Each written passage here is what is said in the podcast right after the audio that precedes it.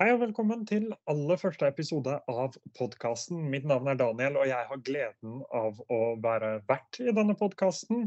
Og jeg tenker at vi bare begynner med dagens første spørsmål, og så skal du få lov til å introdusere deg selv i samme slengen. Men hva skjer for tida? Hva er det vi holder på med? Jeg er da Klaus Hoseth, og jeg er daglig leder i Hoseth Technology. Eh, og eh, nå holder vi jo på med en eh, del spennende. Akkurat nå så holder jeg på å gjøre meg klar for å reise til Canada for vi skal ha åpning av den fabrikken som vi har levert til Kvinneland på Newfoundland. Ja, og hva er det vi har levert der? Nei, der har vi Vi har først og fremst jobba sammen med Kvinneland og Grieg Seafood, som er Kvinneland sin kunde i å utvikle et, eh, en konseptuell løsning for hvordan vi skal begynne å få transportert og slakta den eh, fisken til, til Grieg. Eh, og så samarbeider vi oss med så mye som mulig med lokale firmaer der borte. Så det er et lokalt firma som har blodbehandlinger, og som har en del av pakkelinja. Mens eh, vi har levert eh, selve slakteriet, da, som eh, skal kjøre mellom 100 og 150 tonn per dag. Ja, og ja, nå har vi jo kommet et godt stykke på det, men hvordan foregår hele den prosessen? Kan du ta oss med gjennom fra start til slutt, på en måte? Ja, Det spørs hvor vi skal starte. da. Det er jo en ganske lang prosess å, å bygge et nytt anlegg helt fra start. Sånn at eh, det går jo mye der borte med å finne lokasjoner og eventuelle samarbeidspartnere eh, og sånt som skal jobbes med. Ulike konseptløsninger som skal gjøres. Eh, og når ting etter hvert er kommet sånn at en har fått valgt partner, så blir det jo å, å få kunden til å sy sammen et prosjektteam der de ulike eh, leverandørene kan eh, samarbeide og lage konseptløsninger og levere den. Og som veldig mange, så er det slik at det, går eh, lang tid med den planleggingen i forkant. Eh, men når først kunden trykker på knappen, da skjer det fryktelig fort. Sånn at eh, fra vi Eh, fikk en signert ordre til vi skipa utstyret, så var det ikke mer enn fem måneder. Eh, og det er veldig, veldig fort. Sånn at eh, jeg tror den bestillinga kom i, i, i, mars. Og slakteriet slakta sin første fisk i midten av oktober. Ja. Og hva vil du si er det mest spennende Nei, Det mest spennende er å jobbe i et uh, nytt uh, område der uh, prosessene er litt forskjellige, og folk har litt forskjellige måter å jobbe på. Så det er jo alltid en utfordring å tilpasse seg og skjønne hva som er den lokale måten å gjøre det på. Det er jo ikke sånn at det vi gjør i Norge alltid er best, men det er jo ofte best i Norge. Mens det de gjør i Canada, ofte er best i Canada. Ja, eh, og du nevner jo eh, det med å tilpasse seg og sånt. Er det vanskelig? Krevende? Nei Sånn som i tilfellet her, så, så var jo vi deres kompetansepartner i hvordan det var. sånn at vi fikk jo legge veldig mange av premisser. Sånn at eh, eh det, eh, vi var jo med og dimensjonerte og egentlig på mange måter godkjente den, den helheten i, i prosjektet. Eh, så sånn sett så, så jobba vi veldig, veldig tett med, med kunden eh, i det prosjektet her. Mens eh, i en del andre prosjekt så, så kan det jo være det at, eh, at en kommer lengre unna eierskapet osv. Eh, jeg må bare si det at eh, prosjektorganisasjonen til Kvinneland og det anlegget som er da i Way the World, eh, er ekstremt dyktige folk. Eh, jeg har eh, sjelden vært gjennom en så profesjonell eh, gjennomføring av et prosjekt fra en kundes side. De to ikke lett på en ting. Men de var veldig konkrete og holdt ei god framdrift hele tida. Så de har aldri tatt igjen laks før det her. De var ivrige på å lære. De var ivrige på å, eh, å finne ut hvordan det skulle være. Og de satte en tidsplan som de gjennomførte.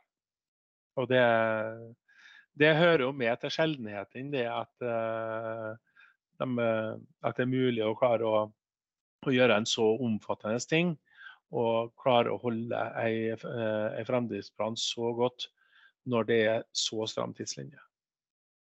Ja, eh, og nå begynner jo det å nærme seg slutten. slutten. Eller? Ja, du kan si at slutten for, for montasjen og, og starten i kjøringa.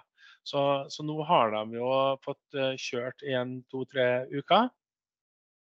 Uh, og det, det, foregår jo en del uh, oppdatering av software og, og sånn. Uh, det som Anlegg er jo mer og mer avansert. I det anlegget her så bruker vi f.eks. video veldig mye.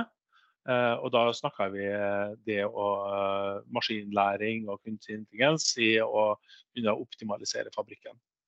Sånn at sentralt i den løsninga her, så er det jo seks videokamera som konverterer det en ser på linsa til viktige prosessdata. Sånn at det styrer tempoet i hele fabrikken. Sånn at eh, vi automatisk lasser tankvogner i, eh, i, det riktige tempoet, legger det på kjøletank. Eh, fisken tas kontrollert ut av helikstanken, og fordele ned i eh, tre eh, sleielinjer. Der de får nøyaktig mengde fisk de ønsker til hver tid, uten eh, å få for lite og uten å få for mye, og uten egentlig å bestille noe som helst sjøl heller. Og så går det derfra ut. Vi teller og observerer fisken og legger den på en ny kjøletank før vi leverer den videre til sortering og pakking. Eh, I tillegg til det her så har de jo også et kjølesystem som vi har eh, levert med sippvasking. Og de har et sentralvakuumsystem for å suge sammen slo og nyre fra slenginga. Eh, og et automatisk vaskesystem for å vaske både rør og, eh, og tankskaller eh, i det vakuumsystemet. Så, så, her er det hovedsakelig for dem å gjøre selve det som trengs av manuelle jobber på, i sleiinga. Eh, og så er det jo pakkinga som det er en viss mengde er på. Ja, eh, og her kommer jo min manglende tekniske kompetanse litt fram. Eh, men det eneste jeg hører, er at det er veldig komplisert. Eh, ja, det er komplisert eh, i bakgrunnen. Men for ja. kunden så blir det jo veldig ukomplisert. For, fordi at eh, her får de jo eh, levert fisken sin akkurat der de vil ha den, når de vil ha den. Og slipper å bekymre seg for, eh, eh, for den, den, prosessflyten. For logistikken er automatisert. Eh, sånn, at, sånn sett så er det jo en del avansert teknologi. Vasking er automatisert. Og ja, mange av de prosessene i det.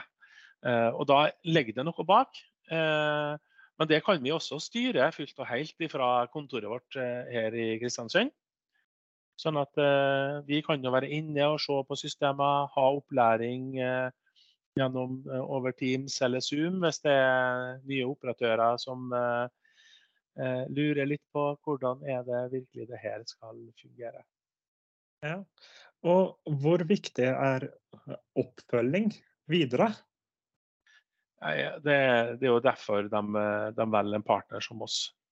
Så eh, det, det, går jo på, på, relasjonene, og det går på det at eh, Grieg, som er deres kunde, vet at vi kan laks.